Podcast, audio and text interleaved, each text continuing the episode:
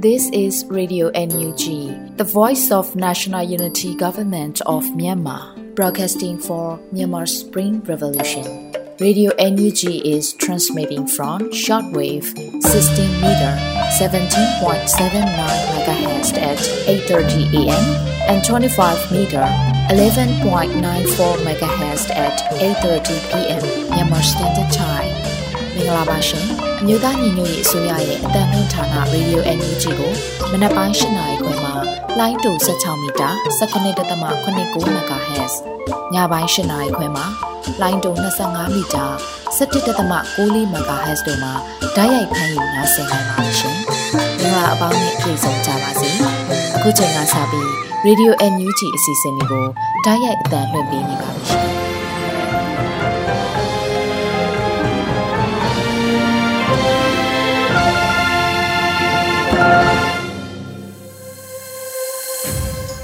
Radio NUG သောတာရှင်များနဲ့မြန်မာနိုင်ငံသူနိုင်ငံသားအပေါင်းတဘာဝပြီးဆရာနာရှင်ပြီးတို့ကနေကင်းဝေးပြီးကိုစိတ်နှပြချမ်းမာချမ်းသာလို့ဘေးကင်းလုံခြုံကြပါစေလို့ Radio NUG ဖွဲ့သူဖွဲ့သားတွေကဆုတောင်းမေတ္တာပို့သလိုက်ရပါတယ်ရှင်။အခုဒီနေ့ညအစီအစဉ်ရဲ့ပထမအဆုံးအဖြစ်နဲ့လူဦးမုံကပြည်တွင်းသတင်းတွေကိုတင်ပြပေးတော့မှာဖြစ်ပါတယ်ရှင်။မင်္ဂလာပါရှင်။ပြည်တွင်းသတင်းတွေကိုတင်ပြပေးတော့မှာဖြစ်ပါတယ်။ကျွန်မကတော့ຫນွေဦးမုံပါ။ အမေရိကန်အစိုးရရဲ့ပိတ်ဆို့အရေးယူမှုအသစ်ကိုမြို့သားညီညွတ်ရေးအစိုးရကကြိုးဆိုတယ်လို့ပြည်ထောင်စုဝန်ကြီးဒေါက်တာဆာဆာပြောဆိုလိုက်တဲ့သတင်းအကြောင်းအရာကိုဥစွာတင်ပြပေးကြပါမယ်။အမေရိကန်အစိုးရရဲ့ပိတ်ဆို့အရေးယူမှုအသစ်ကိုမြို့သားညီညွတ်ရေးအစိုးရကကြိုးဆိုတယ်လို့ပြည်ထောင်စုဝန်ကြီးဒေါက်တာဆာဆာကနိုဝင်ဘာ9ရက်မှာထုတ်ပြန်ပြောဆိုခဲ့ပါတယ်။ NGO အစိုးရဟာအမေရိကန်အစိုးရရဲ့ပိတ်ဆို့အရေးယူမှုအသစ်ကိုကြိုးဆိုသည်ပြီးခဲ့သည့်နိုဝင်ဘာ10ရက်ထူရီရေးကောက်ပွဲဒုတိယနှစ်ပတ်လည်နေ့တွင်အမေရိကန်အစိုးရမှချမှတ်ထားသော ပိတ်ဆို့အရေးယူမှုများထပ်မံပြုလုပ်ခြင်းကို NUG မှကြိုးဆိုပါရယ်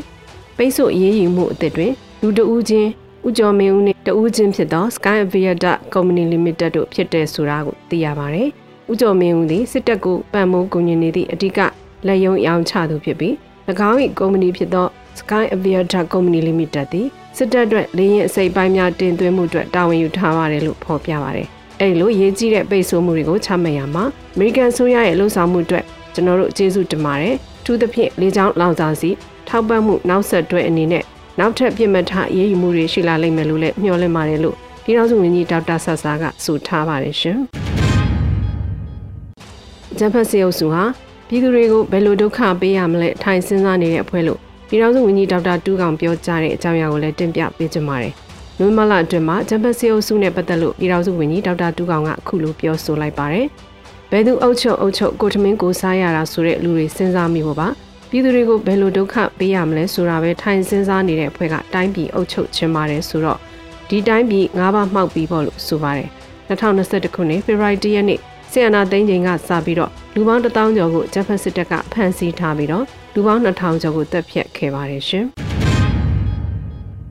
အာဆီယံအနေနဲ့ဘုံသဘောတူညီချက်၅ချက်ကိုကျော်လွန်ပြီးတော့ထည့်သွင်းစဉ်းစားဖို့မြို့သားညီညွတ်ရေးအတိုင်းအမြံကောင်စီ NUCC ကတိုက်တွန်းတဲ့အကြောင်းအရာကိုလည်းတင်ပြပေးကြပါမယ်။အာဆီယံအနေနဲ့ဘုံသဘောတူညီချက်၅ချက်ကိုကျော်လွန်ပြီးတော့ထည့်သွင်းစဉ်းစားဖို့မြို့သားညီညွတ်ရေးအတိုင်းအမြံကောင်စီ NUCC ကတိုက်တွန်းကြောင်းကိုအာဆီယံတို့မြန်မာအရေးနဲ့ပတ်သက်၍အိတ်ဖွင့်ပေးစာကိုနိုဝင်ဘာ9ရက်ရက်စွဲနဲ့ပေးပို့ခဲ့ပါတယ်။အာဆီယံအနေနဲ့ NUCC, NUG, CRPH တို့ကိုမြန်မာနိုင်ငံကိုစားပြုဖြစ်တရားဝင်ဆက်ဆံဖို့လိုအပ်တယ်လို့ဆိုထားပြီးတော့ အာဆီယံအနေနဲ့ဘုံသဘောတူညီချက်၅ချက်ကိုကျော်လွန်ပြီးတော့ထည့်သွင်းစဉ်းစားဖို့ချက်တွေကိုလည်းဖော်ပြထားပါတယ်။ဒါအပြင်ဂျမ်ဖက်စစ်ကောင်စီဟာလူမျိုးတို့တပ်ဖြတ်မှုလူသားမျိုးနွယ်ပေါ်ကျူးလွန်သောဆေးရစုမှုတွေနဲ့ဆေးရစုမှုတွေကအာဆီယံဘုံသဘောတူညီချက်၅ရက်ပါအချက်များကိုသာမက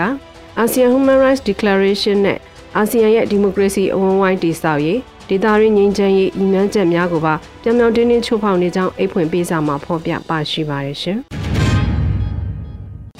နမမြို့နယ်ဒီရုတ်ခင်ရွာကိုဂျမ်ဖက်စစ်တပ်ကဝင်ရောက်တောင်းချန်လို့မြို့သမီးငယ်တဦးကိုဖမ်းဆီးခေါ်ဆောင်သွားတဲ့တဲ့ရင်ကိုတင်ပြပေးပါအောင်မယ်။မကွေးတိုင်းနမမြို့နယ်ဒီရုတ်ခင်ရွာကိုဂျမ်ဖက်စစ်တပ်ကဝင်ရောက်တောင်းချန်ပြီးမြို့သမီးငယ်တဦးကိုဖမ်းဆီးခေါ်ဆောင်သွားတယ်လို့သိရပါဗျ။မြန်မာစဲရဲ့မနက်ပိုင်းမှာစစ်ကောင်စီတပ်တွေဟာဒီရုတ်ခင်ရွာကိုအကြမ်းဖက်ဝင်ရောက်ခဲ့တာလို့ဂလုံတက်နတ်မောက် PDF ကအတည်ပြုဆိုပါတယ်။ဒီကနေ့မနက်၄နာရီဝန်းကျင်မှာဒီတုတ်ခင်ရွာမှမြို့သမီးငယ်အားစစ်ကောင်စီတပ်များရက်ဆက်စွာရိုက်နှက်ဖမ်းခေါ်သွားပြီး ဒီတော့ခင်ရွာအတွင်းစစ်ကောင်စီတပ်တရားကျော်ရောက်ရှိလာပြီးပြည်သူတွေကိုရိုက်နှက်ပြီးရွာရှိအိမ်နဲ့အဆောက်အုံများအားဖျက်ဆီးခဲ့ပါတယ်လို့ဆိုပါတယ်။စစစ်ကောင်စီတပ်များဟာမကွေးတိုင်းကိုအင်အားများဖြစ်တင်ပြီးမြေပြင်ဝေဟင်စစ်စင်ရေးများနဲ့ထိုးစစ်ဆင်လျက်ရှိပါတယ်ရှင်။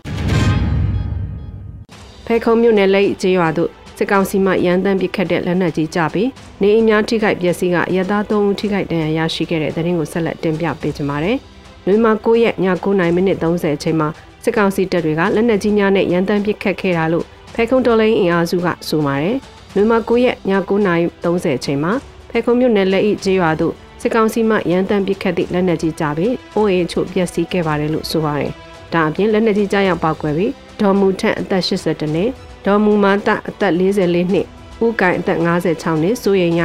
ရသား3ဦးထိခိုက်ဒဏ်ရာရရှိခဲ့တယ်လို့သိရပါတယ်ရှင်။ ကျန်နာသိမ်းပြီးနောက်နယူးဒေါ်လိန်ကာလအတွင်းကြာဆုံးခဲ့ရသူစုစုပေါင်း2400ကျော်ရှိလာတဲ့အကြောင်းအရာကိုလည်းတင်ပြပေးချင်ပါတယ်။ကျန်နာသိမ်းပြီးနောက်နယူးဒေါ်လိန်ကာလအတွင်းကြာဆုံးခဲ့ရသူစုစုပေါင်း2428ဦးရှိလာပြီလို့နွေမာ9ရက်နေ့မှာနိုင်ငံရေးအကျဉ်းသားများကူညီဆောင်ရှောက်ရေးအသင်း AAPP မှသတင်းထုတ်ပြန်ခဲ့ပါတယ်။ဆီယနာသိမ်းပြီးနောက်နယူးဒေါ်လိန်ကာလအတွင်းကြာဆုံးခဲ့ရသူစုစုပေါင်း2428ဦးရှိလာခဲ့ပြီးတော့အများစုသေဆုံးခဲ့သူများမှာစစ်ကောင်စီတပ်များဖမ်းဆီးတပ်ဖြတ်ခြင်းနဲ့၎ င်းစစ်ကောင်စီတပ်လက်အောက်ခံဖွဲ့စည်းများတပ်ဖြတ်ခြင်းတို့လည်းပါဝင်ပါတယ်။နွေမာလာ6ရက်နေ့ည9:00နာရီခန့်အချိန်ကလည်းမကွေးတိုင်းမြိုင်မြို့နယ်ဝက်ပုတ်ကျေးရွာမှာစခန်းချနေတဲ့ဂျမ်ဘတ်စီအုပ်စုရဲ့တန်းနဲ့ပြူစောတိများမှလက်နက်ကြီးများနဲ့ပစ်ခတ်ခဲ့တာကြောင့်အဆိုပါလက်နက်ကြီးကြီးတွေချောင်းလူကျေးရွာအတွင်းရှိနေလုံးပုံကိုကြောက်ရောက်ပောက်ကွဲခဲ့တာကြောင့်အသက်60ကျော်ရဲ့ဦးကြီးစိန်မှနေရာမှာပင်သေဆုံးခဲ့ရပြီး၎င်းရဲ့ဇနီးဖြစ်သူဒေါ်စိန်စစ်မှခြေထောက်ပြက်ခဲ့ပါတယ်ရှင်။ ခုတင်ပြပေးခဲ့တဲ့သတင်းတွေကိုတော့ Radio Energy သတင်းတောက်မင်းမင်းကပေးပို့ထားတာဖြစ်ပါတယ်ရှင်။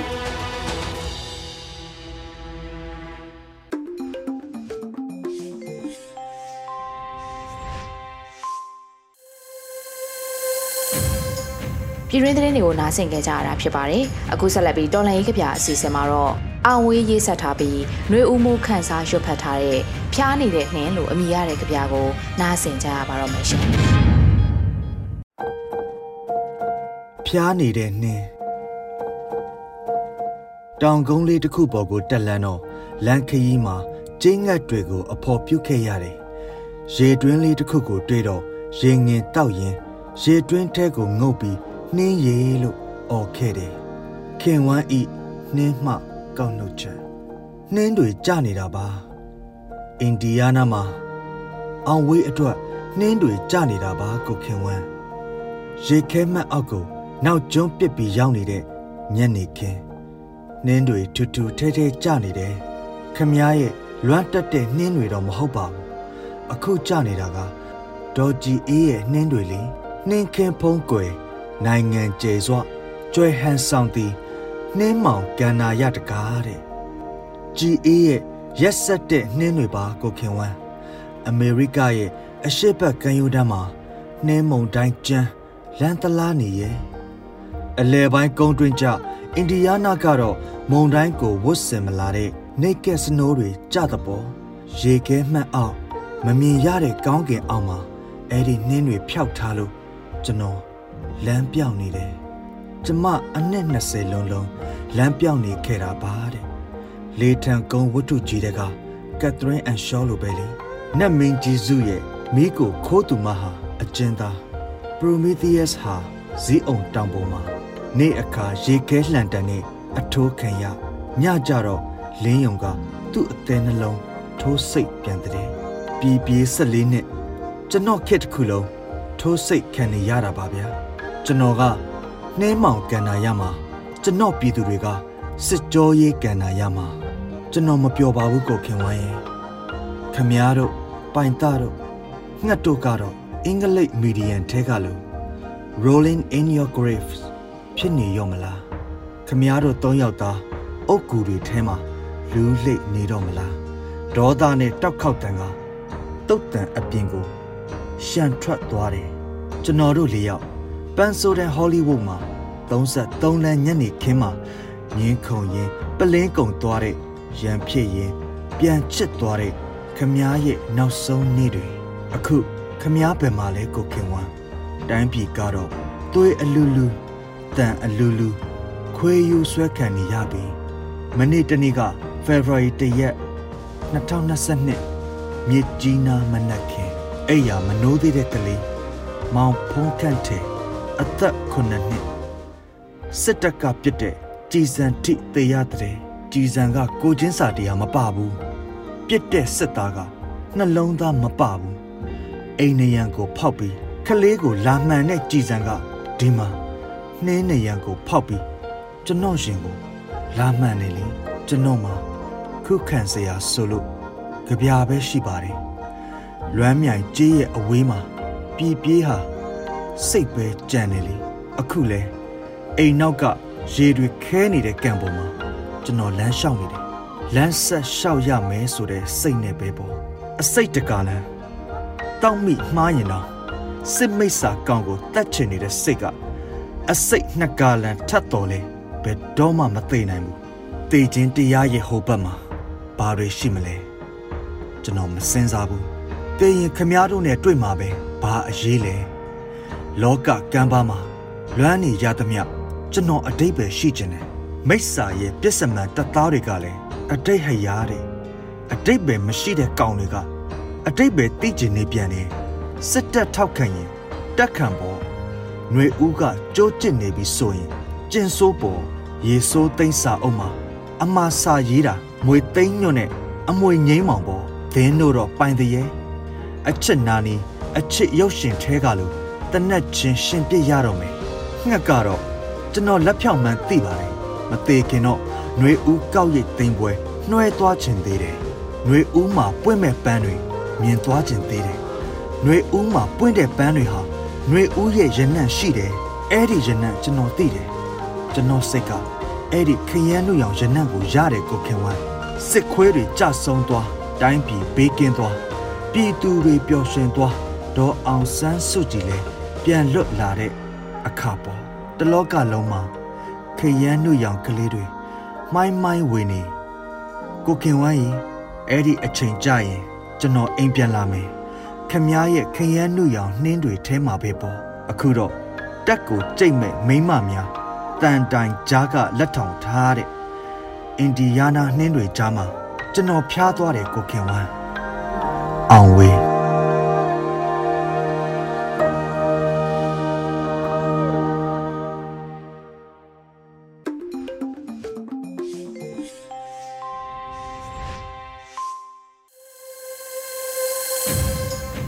အခုတခါအမျိုးသမီးကဏ္ဍအစီအစဉ်မှာတော့ Flora Han တင်ဆက်ထားတဲ့တော်လန်ရေးကြီးအောင်မြင်ခြင်းအလှကဘာအပိုင်း31ကိုနားဆင်ကြရဖို့ရှိပါတယ်ရှင်။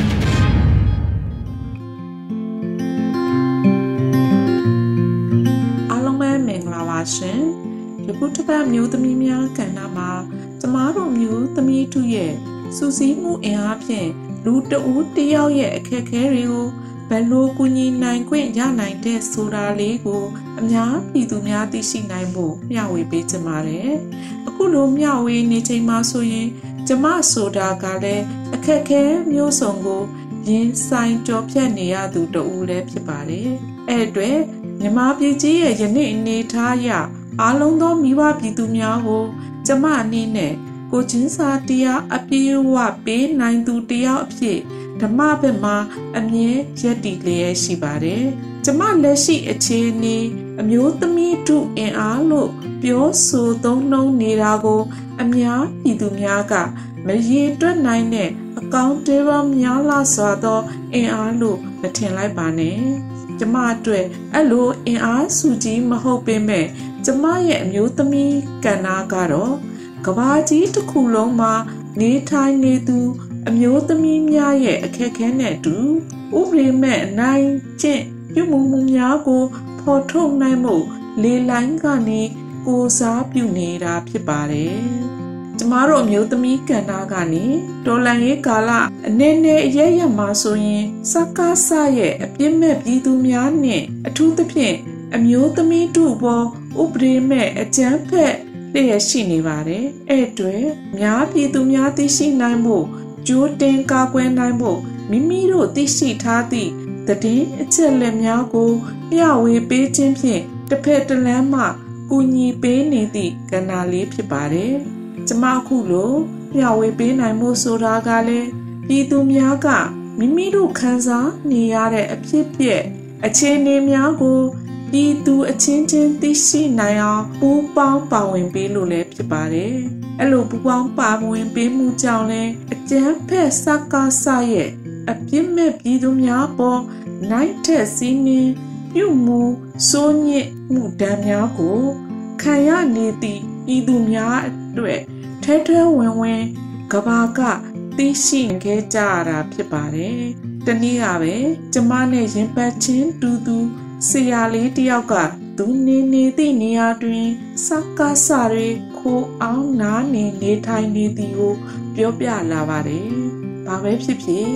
ရိုးသားစွာ တောင်ယာလဲလို့ရိုးသားစွာ နေထိုင်စားတောက်နေသူများအတွက်အခုလိုကြမ်းဖက်စကားစာများဝင်ရောက်လာခဲ့မယ်ဆိုရင် အခက်ခဲမျိုးစုံနဲ့ရင်ဆိုင်ကြုံတွေ့နေကြရတော့အမှန်ပါဒါပြင်အပြစ်မဲ့ပြည်သူများကိုဖမ်းဆီးခေါ်ဆောင်ခြင်းဖြင့်ကြံရင်သူမိသားစုတွေမှာငွေကြေးတက်နိုင်သည်ဖြစ်စေမတက်နိုင်သည်ဖြစ်စေရှိတာလေးဖြင့် မိမိတို့ခင်မွန်းသားညီကိုမောင်နှမများကိုလွတ်မြောက်ဖို့ကြိုးစားနေရတာအပြစ်မဲ့ပြည်သူများရဲ့လက်ရှိအနေအထားတစ်ခုပါတချို့သောနယ်မြေဒေသများမှာဆိုရင်စားဝတ်အခက်အခဲများပြေလည်နိုင်ဖို့အခုလိုစနစ်ဆိုးတွေကိုအန်တုလို့မိသားစုဘဝတွေရုန်းကန်လှုပ်ရှားနေရတာဖြစ်ပါတယ်။ဒါပြင်အခုလိုဖြစ်ဆိုးစနစ်ဆိုးနဲ့ကြုံတွေ့နေရခြင်းများမှာတော့ မိမိတို့နေထိုင်သည့်နေရာဒေသများကိုမီးရှို့ဖျက်ဆီးခဲ့ကြလို့ပြည်သူများရဲ့ဘဝတပူပေါ်နှစ်ပူစစ်ဆိုးသလိုဘဝတွေပြတ်ခဲ့ရပါတယ်။အခုလိုအချိန်မှာပြည်သူများရဲ့ပင်မဆင်းရဲရသည့်အခြေအနေဆိုးများကိုကူညီနိုင်ဖို့ကျမတို့မျိုးသမီးများကလည်းအစုအဖွဲ့လေးများဖွဲ့စည်းထားဖို့လိုအပ်ပါတယ်။သို့မှသာခက်ခဲနေသည့်မိသားစုတွေရဲ့စားဝတ်နေရေးကို ဖြည့်ရှင်းပေးနိုင်မှာဖြစ်တယ်လို့တစ်ဖက်တန်းလာမှလည်းကူညီရာရောက်မှာဖြစ်ပါတယ်။ကျမတို့တွေထမင်းနှက်မောင်စားနေရချိန်မှာအခက်ခဲမျိုးစုံနဲ့အတူခါးသီးလာတဲ့ဘဝစက်ခုံမှာစံစီမရှိမိဘတွေအိမ်ပြန်လန်းကိုမျှော်ကြည့်ရင်ထမင်းနဲ့မမှန်တော့တဲ့မိသားစုတွေအများကြီးပါ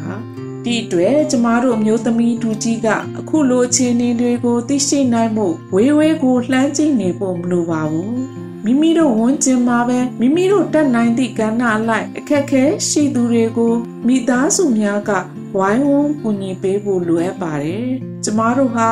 အမြင့်ကြီးကိုလှမ်းကြည့်နေစရာမလိုသလို တစ်ပင်တပင်ရဲ့အတိုင်းခက်လေးတွေဖြစ်နေဖို့ပဲလိုပါတယ်။အဲ့တွေတစ်ပင်တပင်ဖြစ်တည်ဖို့ကျမတို့ရှောင်လန်းခဲ့တဲ့အမှန်တရားနဲ့ဓမ္မဆိုတဲ့ပင်စင်ကြီးရှိနေပြီးဖြစ်တဲ့အတွက်လိုအပ်နေသည့်အကိုင်းအခက်ဖူးဖွင့်တွေကိုမိမိတို့တက်နိုင်သည့်ကဏ္ဍလိုက်ပူးပေါင်းပါဝင်ပေးဖို့လိုအပ်ပါတယ်။အခုလိုပါဝင်တဲ့အခါမှာမိမိတို့စွမ်းဆောင်နိုင်သည့်ကဏ္ဍလိုက်ကျန်းမာရေးပညာရေးသ မအသက်မွေးဝမ်းကြောင်းပညာအလုံးများကိုမိသားစုတစုနဲ့တစုကူညီပေးခြင်းဖြင့်ကျမတို့အမျိုးသမီးကဏ္ဍကိုမြင့်တင်ကြရမှာဖြစ်ပါတယ်။ကျမတို့အတွက်ခွန်အားတတ္တိတွေကနှစ်နှစ်တာပြည့်လူလူနီးကြော်ဖြတ်ခဲ့ရတဲ့တော်လန်ရဲ့ကာလအတွေ့အကြုံများကြောင့်မတူညီသည့်အာတသမားတွေထက်စိတ်သက်တွေခိုင်ခံမာမာရှိနေကြပြီလည်းဖြစ်ပါတယ်။ ဒါကြောင့်ကျမတို့ပြည်သူများကလည်းခုလိုရလာသည့်ဒေါ်လန်ရဲ့အတွေ့အကြုံများရဲ့ခိုင်မာသည့်စိတ်သက်ဖြင့်စကားစားနဲ့အာနာရှင်ကို အပြီးတိုင်တော်လန်ကြမှာဖြစ်တယ်လို့ပြည်သူအာမန်များကိုအရင်ခံပြီးကျမတို့လိုချင်တဲ့လွတ်လပ်ပြီးတရားမျှတသည့်လူပေါင်းသည့်ခရီးကိုတွဲလက်ညီညီ ဆက်လက်ချီတဲကြမှာဖြစ်ပါတယ်။ဒါမှသာကျမတို့လိုချင်သည့်အောင်မြင်မှုပန်းနိုင်ဖြစ်သည့်ဒေါ်လန်ရဲ့ဤအောင်မြင်မှုအလှကဘာကိုတိဆောက်နိုင်မှာဖြစ်သလိုကျမတို့ရဲ့အမျိုးသမီးကဏ္ဍကိုလည်းဒီထက်မကပူပေါင်းပါဝင်ကြပါလို့ဇိုးလို့တိုက်တွန်းနှိုးဆော်လိုက်ရပါတယ်ရှင်။အားလုံးကိုကျေးဇူးတင်ပါတယ်ရှင်။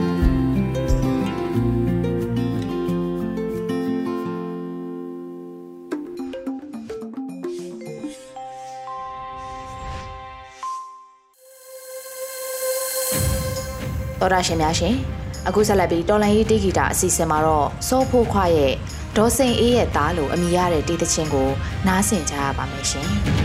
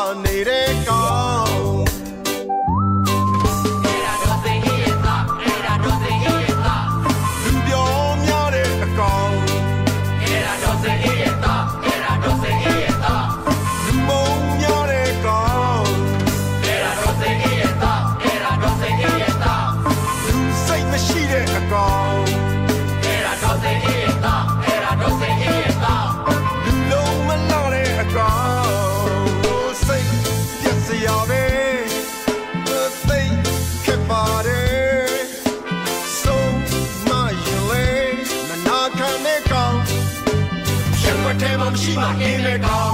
yeah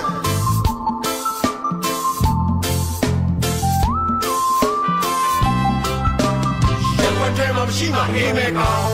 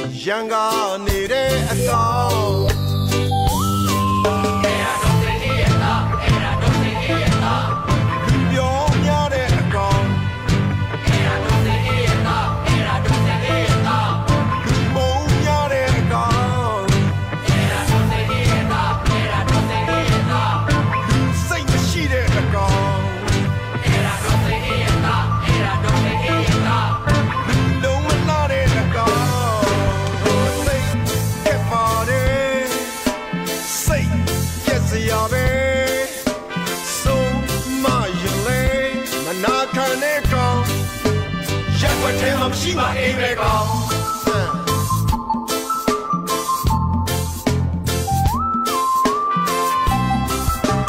ရက်ွက်ထဲမှာမရှိမှအိမ်ပဲကောင်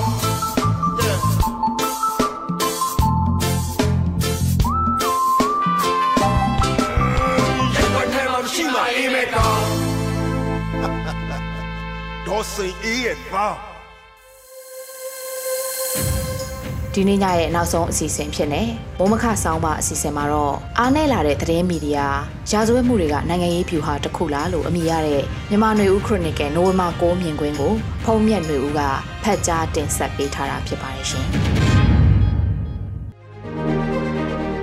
မြမနွေဦးခရိုနီကယ်နိုဝင်ဘာ9မြင်တွင်အားနည်းလာတဲ့သတင်းမီဒီယာရာဇဝတ်မှုတွေကနိုင်ငံရေးပြူဟာတစ်ခုလား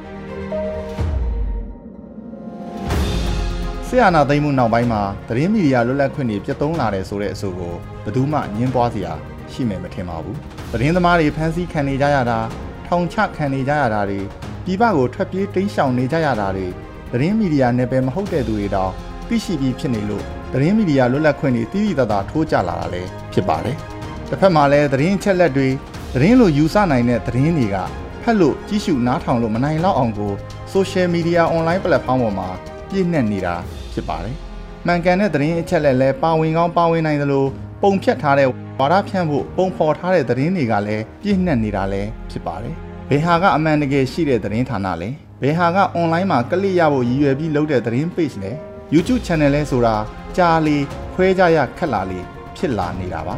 သတင်းတွေအရေးအတွက်အပြင်တိုးပွားလာတယ်ဆိုတာညင်းစရာမလိုတဲ့အချက်လက်ဖြစ်ပါတယ်ဒါပေမဲ့ ယုံကြည်အားထားရတဲ့စိတ်ချရတဲ့သတင်းအချက်လက်တွေအားနည်းလာတာမပြည့်စုံတော့တာလက်ရှိအခြေအနေမှန်ပဲဖြစ်ပါတယ်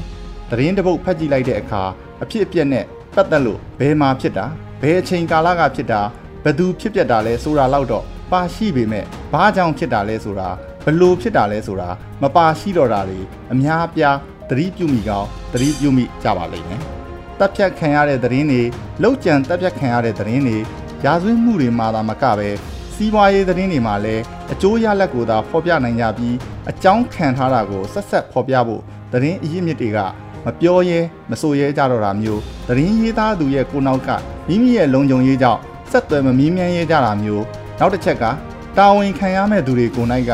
အခုလိုကာလမှာတာဝန်ခံမှုရှိစရာမလိုတော့ဘူးလို့ယူဆလာတာကြောင့်သတင်းသမားတွေရဲ့မေးခွန်းတွေကိုမဖြေပြစ်တော့တာကလည်းအကြောင်းတစ်ချက်ဖြစ်လာနိုင်ပါတယ်။ တနေ့တနေ့ဖတ်ရှုနေကြရတဲ့မြောက်များစွာသောသတင်းအပုပ်အရေးအတွက်နဲ့ပြည့်စုံတဲ့သတင်းဗက်မျှတဲ့သတင်းက10ပုတ်မှာတစ်ပုတ်တောင်တွေ့ဖို့ခက်ခဲလာတာလည်းဖြစ်ပါတယ်။သတင်းမှာဖော်ပြတဲ့အချက်လက်တွေအရအကျိုးကြောင်းဆက်နွယ်မှုတွေအရမိမိတို့ရဲ့အရေးကြီးတဲ့ဆုံးဖြတ်ချက်တွေကိုချမှတ်ရမှာသတင်းကိုဘလောက်အထိကိုးစားနိုင်မလဲဆိုတာအရေးပါတဲ့မေးခွန်းတစ်ရက်ဖြစ်လာပါတယ်။တရားဥပဒေစိုးမိုးမှုတွေစိုးစိုးရွားရွားပြည့်ရင်းလာခြင်းကလည်းသတင်းမီဒီယာကဖော်ပြမှုတွေနဲ့အဆိုပါသတင်းဖော်ပြမှုတွေအပေါ် တာဝန်ခံရမယ့်အဖွဲ့အစည်းတွေက